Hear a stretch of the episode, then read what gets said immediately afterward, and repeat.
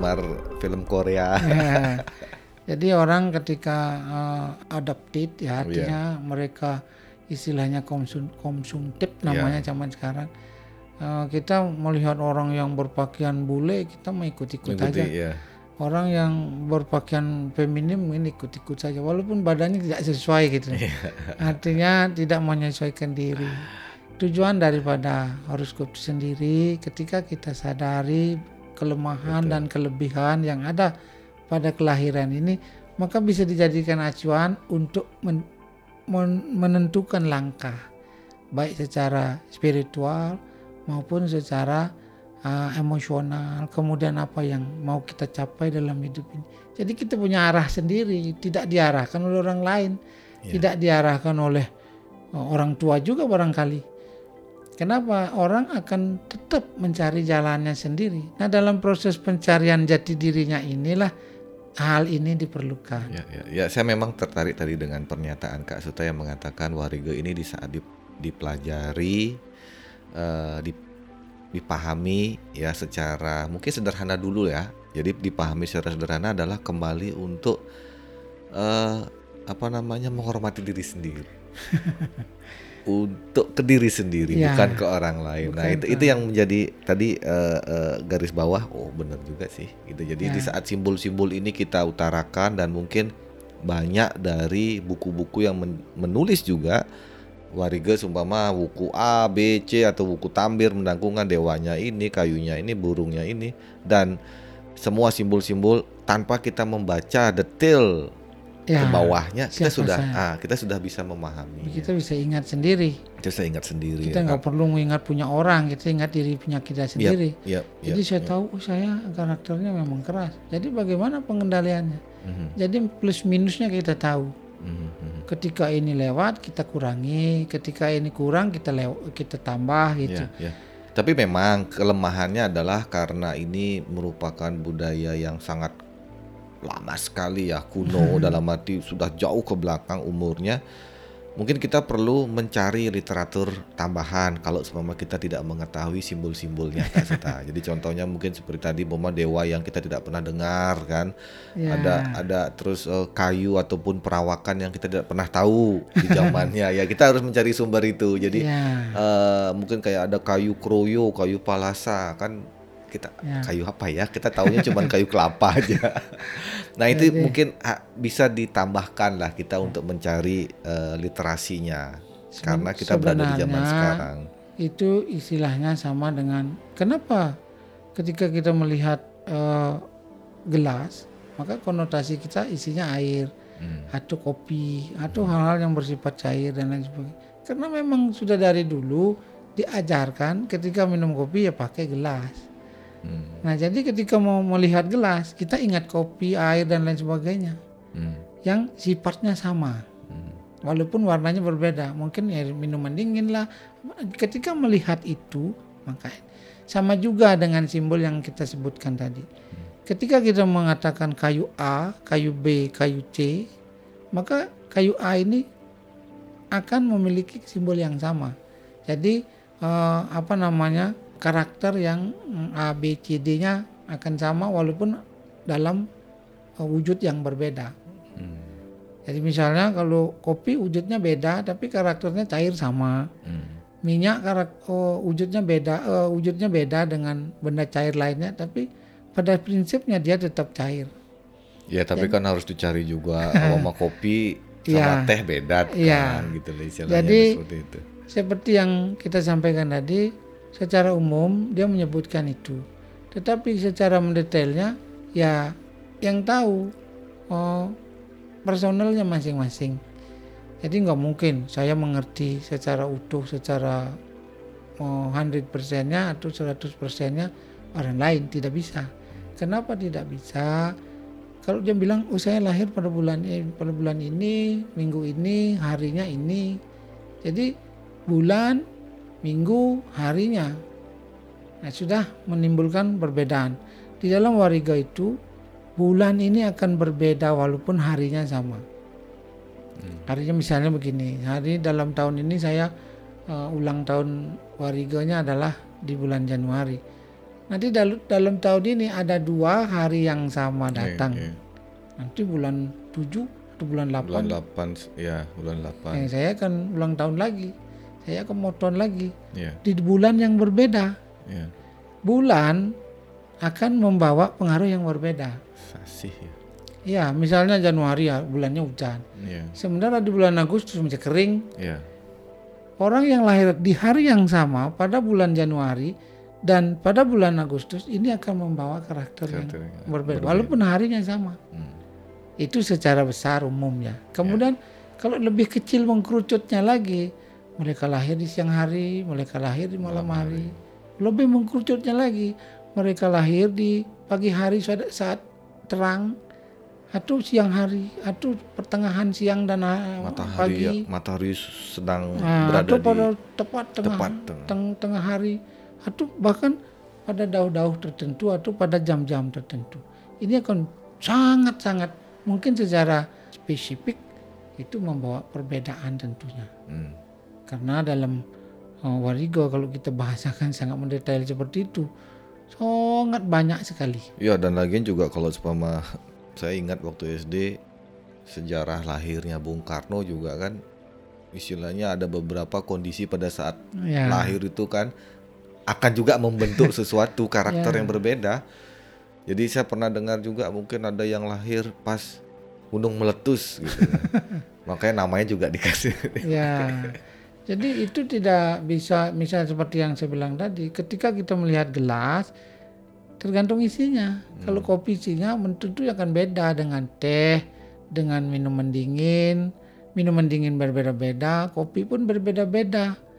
Nah, minyak pun akan berbeda-beda, ada minyak tanah, ada minyak apa dan lain sebagainya. Nah Kak Suta kalau Pemang lanjutkan lagi dari apa yang tadi kita bahas kan itu masih ada kita mem- memberikan penjelasan kalau ada di tulisan warige simbolnya burung. Nah biasanya orang mungkin tanpa kita sadari dia akan mencoba mencari kalau seumpama simbol yang mengenai eh, rejeki gitu kan. Nah mungkin aja ada di sini saya sebutkan kalau pema rejeki bener enggak yang menyimbolkan di sini adalah yang namanya lumbung. Ya, Ya, jadi ada lumbung tertutup, ada lumbung terbuka. Jadi di sini juga ada banyak dijelaskan seperti wuku medang sia gitu kan, lumbung tertutup. Wah, kasihan. jadi kalau lumbung tertutup otomatis sama dengan kantong ya. Ya, ketika kita membawa gelas kita tenggelamkan di dalam air pasti kalau ketika kita angkat dia akan berisi air ya. ketika apa posisinya benar Mhm. menghadap ke atas dan ah, tentunya sesuai dengan fungsinya bahwa ah, ini memang fungsinya untuk mengambil air Ayo. tetapi ketika kita terbalik ada di sana disebutkan lumbung Lumbung ter- lu- lumbung terbalik Ya. ada, ada. Jadi walaupun kita tenggelamkan lumbung uh, gelas ini di air, tetapi kita angkat dengan posisi terbaik, tentu tidak akan ada Ada isinya. isi. Nah, kemudian ada lagi bahasanya. I see, I see. Walaupun ini benar atau gelas ini ditenggelamkan dengan benar menghadap ke atas, uh, artinya oh, mulutnya, tetapi kita ketika kita kasih tutup, maka sama juga tidak akan ada isinya. Iya, Nah, kalau misalnya lumbung terbuka, nah ini akan ah, begitu diangkat ada isinya. Ah, Ada lagi lumbung bocor atau eh, eh, ketika kita masukkan ini tapi kita tidak tahu dia bocor. Jadi isi air tapi pelan-pelan dia akan habis juga. Tapi di salah satu tulisan ini ada disebutkan pesimpenan gedung terbuka, Hmm. lundung, lumbung tertutup.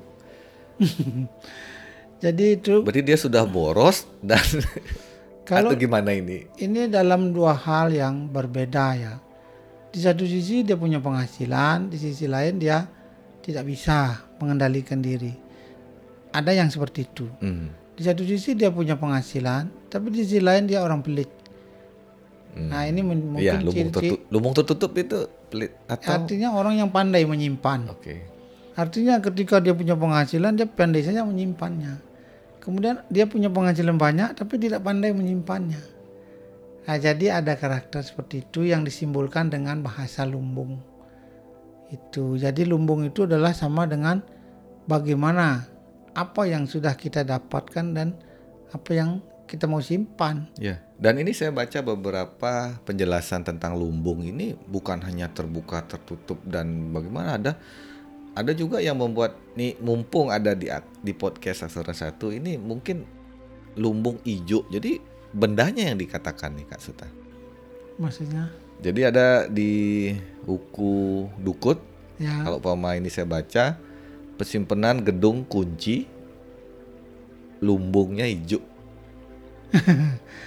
Jadi begini, kalau di dalam, nah ini disimbolkan lagi, artinya dibuatkan simbol bahwa lumbung terbuka itu artinya uh, ada apa namanya uh, harapan yang besar untuk bisa mendapatkan hasil, dan walaupun itu di belakangnya mungkin ada ketidakpastian, hmm. walaupun oh saya yakin, saya yakin, saya yakin ada. Yeah. Jadi bisa dikatakan lumbung itu hijau. Mm-hmm. Kepastiannya maksudnya oh, walaupun secara umum ya, walaupun ini bukan artinya saya memberi contoh saja. Seorang pedagang dari rumah ketika dia mau jualan, yang ada dalam pikirannya adalah mendapatkan untung, mm-hmm. mendapatkan untung yang banyak. Ketika barang itu bisa laku. Tetapi kenapa banyak ada ada pedagang yang tetap merugi ya. atau bahkan bangkrut. Ya.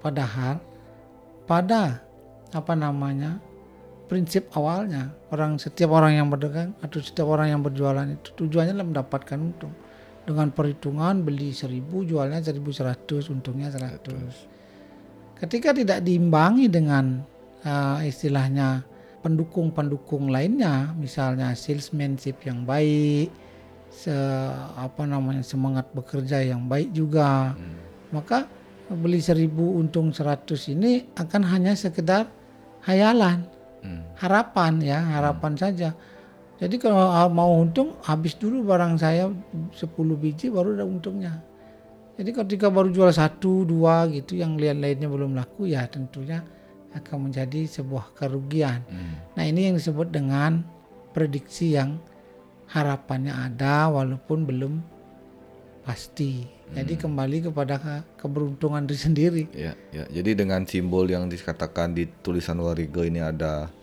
uh, istilahnya gedong terbuka, lumbung begini itu memang seperti itu gambarannya. Ya. Jadi sama seperti yang lain-lainnya ya. Jadi dibuatkan simbol. Dia tidak mungkin menjelaskan karakter itu seperti itu di sana. Jadi sulit untuk diingat. Iya. Jadi maka dibuat satu dewanya ini, manuknya keker. Berarti kalau seumpama bisa mumpung kita dikasih kesempatan untuk berpodcast Aksara Satu ini ya mungkin bisa dibilang cukup memberi informasi yang yang di luar dari dari gambaran masyarakat. Contohnya kayak pama di hmm. Kuku Lantir Kak Suta ada dikatakan simbol di sini tentang tentang rezeki itu adalah gedung tertutup berguling. Hmm. Jadi istilahnya gambaran kita untuk me, me, jadi kita jangan dulu membaca detailnya. Jadi ya. kita coba untuk memberikan pemahaman ke pendengar. Kita mengetahui simbol-simbol itu aja sudah sudah sudah paham. Sudah terbayang. Nah, maksudnya dengan adanya ceri, apa tulisan-tulisan seperti itu, contoh nih gedung tertutup berguling, lumbung rusak. Jadi uh, gimana maksud dari gedong tertutup itu berguling? Berguling maksudnya kok apakah secara arti arfiah terguling-guling atau? Kalau berguling itu maksudnya istilahnya tidak menentu ya. Tidak menentu itu dalam arti dia orang yang punya penghasilan tetapi ketika tidak seperti orang yang punya penghasilan pasti. Hmm. Bisa tinggi, bisa juga tidak. Terus lumbung rusak. Bisa ada, bisa juga tidak ada gitu. Jadi kalau lumbung rusak ini otomatis banyak pun penghasilan tidak akan menyimpannya tidak ada. Hmm. Tidak ada simpanan. Walaupun mereka apalagi tidak ada penghasilan. Hmm. Adapun penghasilan mereka tidak akan punya simpanan.